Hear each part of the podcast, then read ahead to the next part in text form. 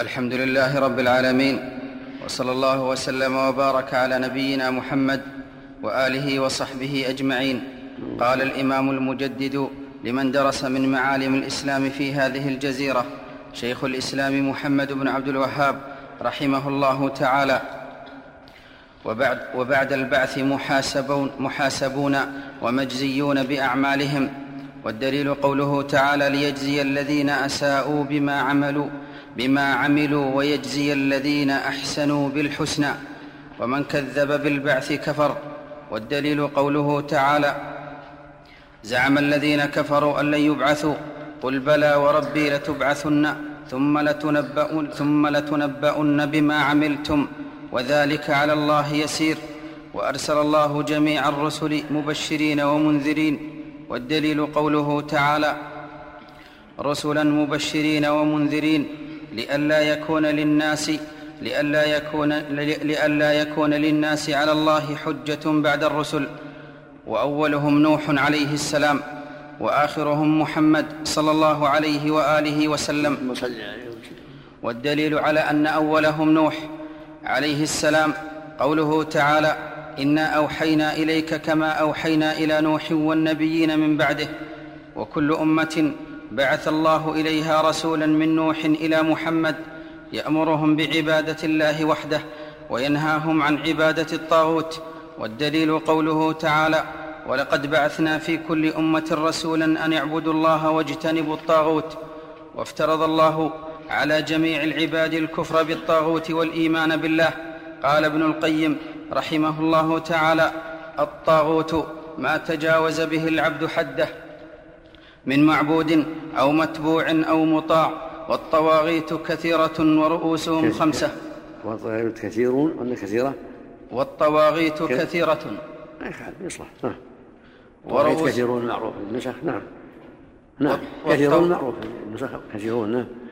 ولا بأس يقال كثيرة. نعم. سن الله إليك. لا بأس والطواغيت كثيرة ورؤوسهم خمسة.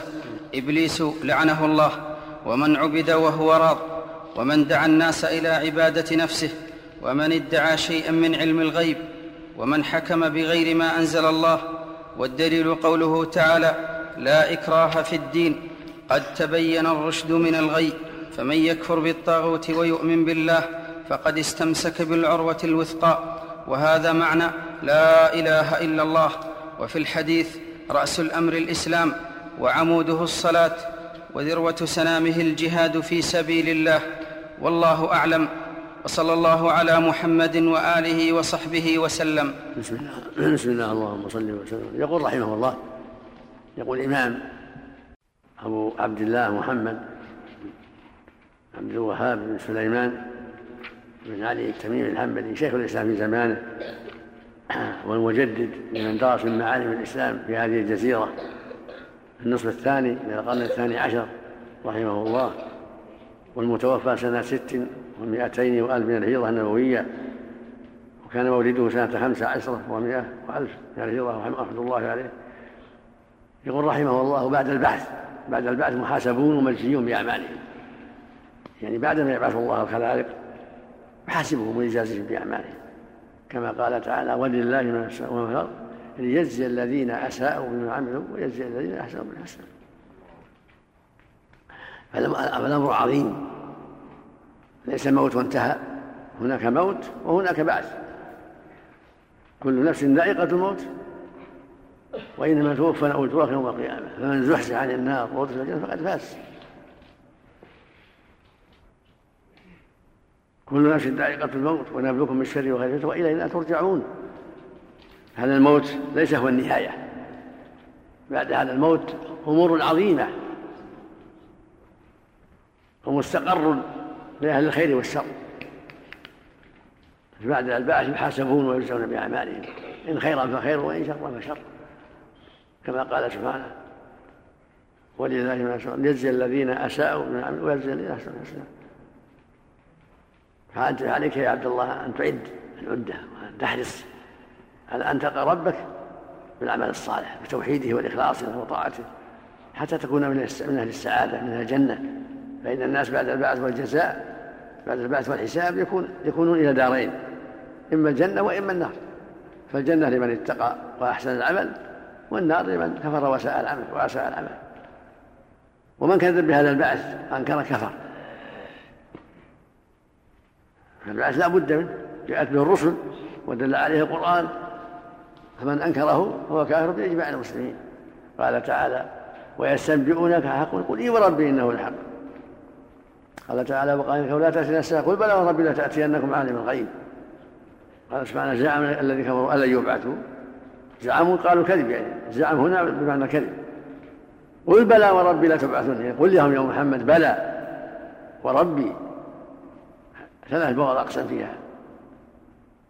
أقسم أمر النبي أن يقسم لهم. ويستمع حقنا قل إي وربي إنه الحق. وقال لا تأتينا الساعة قل بلى وربي لتأتينكم. وهنا في التغابن زعم أن يبعث قل بلى وربي لتأتينكم. ثم لا تنبؤن بما عملتم وذلك على الله يسير. فعليك يا عبد الله أن تستحضر هذا المقام دائما وتذكر هذا المقام دائما. فأنت مبعوث. ومجزي بعملك. إن خيرا فخير وإن شرا فشر ثم بعد ذلك إما الجنة وإما النار. هذا الجزاء هو تنتهي وتكون تراب. لا جزاء يستمر. نتيجته إما الجنة وإما النار. بعد البعث والحساب. أنت إما إلى الجنة وإما إلى النار. وكل أمة بعث الله من نوح إلى محمد.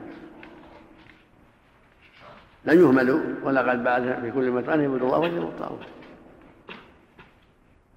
فالله بعث إلى الأمم رسلا تدعوهم وتبين تبين لهم دينه وترشدهم إلى الحق.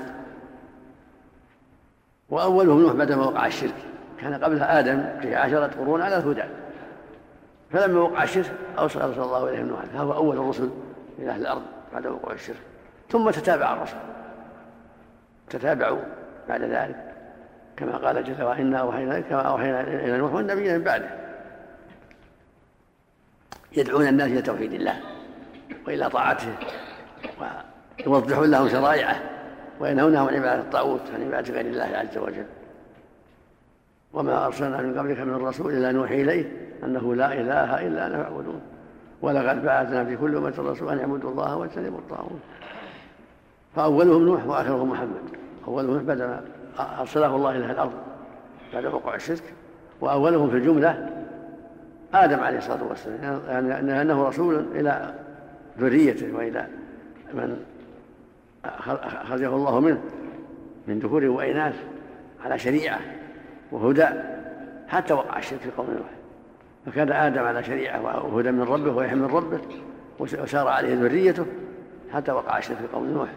لما غلوا في ود وسواء إلى آخره. وافترض الله على جميع العباد الكفر بالطاغوت والإيمان بالله. على جميع الناس أن يؤمنوا بالله وحده وأنه ربهم وإلههم ومعبودهم الحق ويكفروا بالطاغوت والعباد غير الله يتبرأوا من عباد غير الله وينكروا ذلك ويعتقد بطلان ذلك. كما قال تعالى فمن يكفر بالطاغوت ويؤمن بالله فقد استمسك بالعروة الوثقى وهي لا إله إلا الله لا انفصام لها. فلا بد من الكفر بالطاغوت وانكاره انكار عبادة غير الله والكفر بها واعتقاد بطلانها ولا بد من الايمان بالله وأنه رب العالمين وأنه الحق وأنه مستحق العبادة دون كل ما سواه. وكفر بالطاغوت والكفر بالطاغوت معناه البراءة من عبادة غير الله واعتقاد بطلانها. والطاغوت من الطغيان وهو ما تجاوز الحد ما تجاوز الحد. سميت الشياطين طواغيت وسمي الكافر طاغوت وسمي الحاكم بغير طاغوت يعني تجاوز الحد. الذي حد المحدود للناس يكون عبيدا لله مطيعين لله. إذا جاوزوا هذه الحدود صار طواغيت ولهذا قال ابن القيم رحمه الله الطاغوت ما تجاوز به الحد عدة ما تجاوز به العبد حده من معبود أو متبوع أو مطاع فحدك أن تكون عبدا مطيعا لله. فإذا جاوزت ذلك فقد تعديت وكنت طاغوتا بهذا الشيء الذي فعلته. فقد يكون كافرا وقد يكون دون ذلك. فأعظمهم وأقبحهم وأخطرهم. خمسة. إبليس لعنه الله هو رأس الطواغيت والداعي إلى النار. ومن عبده فراض كفرعون.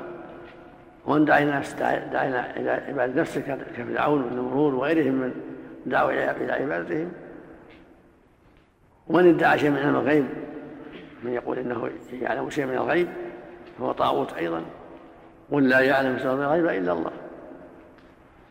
وهكذا من حكم بغير ما أنزل الله طاغوت فإن كان مستحيلا له كفر وإلا فهو طاغوت كفر دون كفر. فالواجب على الجميع التقيد بحدود الله والوقوف عند حدود الله وعدم الخروج عنها وفي الحديث رأس الامر الاسلام وعموده الصلاة وجبة سلامه الجهاد في سبيل الله. رأس الامر الاسلام الشهادتان هذا رأس الأمر شهادة وهي الإسلام أصل الإسلام. وهو ويتبع ذلك الصلاة والزكاة والصيام والى آخره. ولهذا قال وعموده الصلاة. في حديث عمر لما سئل عن الإسلام قال أن تشهد ان محمد رسول وتقيم الصلاة وتؤتي الزكاة وتصوم رمضان وتحج جعل هذا هو الإسلام في حديث جبرائيل. وقال صلى الله عليه وسلم بني الإسلام على خمس شهادة أن لا إله إلا الله وأن محمدا رسول الله وإقام الصلاة وإيتاء الزكاة وصوم رمضان وحج البيت. هذا هو الإسلام الظاهر وهذه أركانه. ويدخل في ذلك جميع ما أمر الله به ورسوله كله داخل في الإسلام. وأما الإيمان فهو ما يتعلق بالقلوب وأصله ستة الإيمان بالله وملائكته وكتبه ورسله واليوم الآخر وبالقدر خيره هذه أصول الإيمان.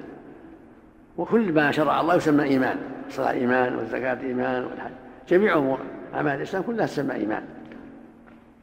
ولكن ما كان يتعلق بالقلوب أخص بالإيمان. وما يتعلق بالظاهر اخص باسم الإسلام لأنه خضوع وذل لله. والجميع يسمى إيمانا ويسمى إسلاما. كله يسمى إسلام. إن الدين عند الله الإسلام. يعم الجميع. ويسمى إيمان. آمنوا بالله ورسوله. الإيمان بضع وسبعون شعبه فاوصل فقول لا إله إلا الله. كلها يسمى إيمان. وذروة سنامه أعلاه الجهاد في سبيل الله. على هذا الإسلام وعلى شعبه الجهاد في سبيل الله لدعوة الناس إلى الخير وإخراجهم من الظلمات إلى النور. وإلزامهم بالحق. هذا ذروة سنام الجهاد ذروة سنام الإسلام لأنه دعوة إلى الخير وإلزام بالحق وضم إلى الإسلام غيره يضم إلى الإسلام غيره من الناس اللي يتخلفوا عنه ويرفع شأنه في دعوة الناس إليه وإلزامهم به وجهادهم عند تركه. وفق الله الجميع نعم. نهاية الشريط الثاني. وسعدت بصحبتكم تسجيلات البردين الإسلامية.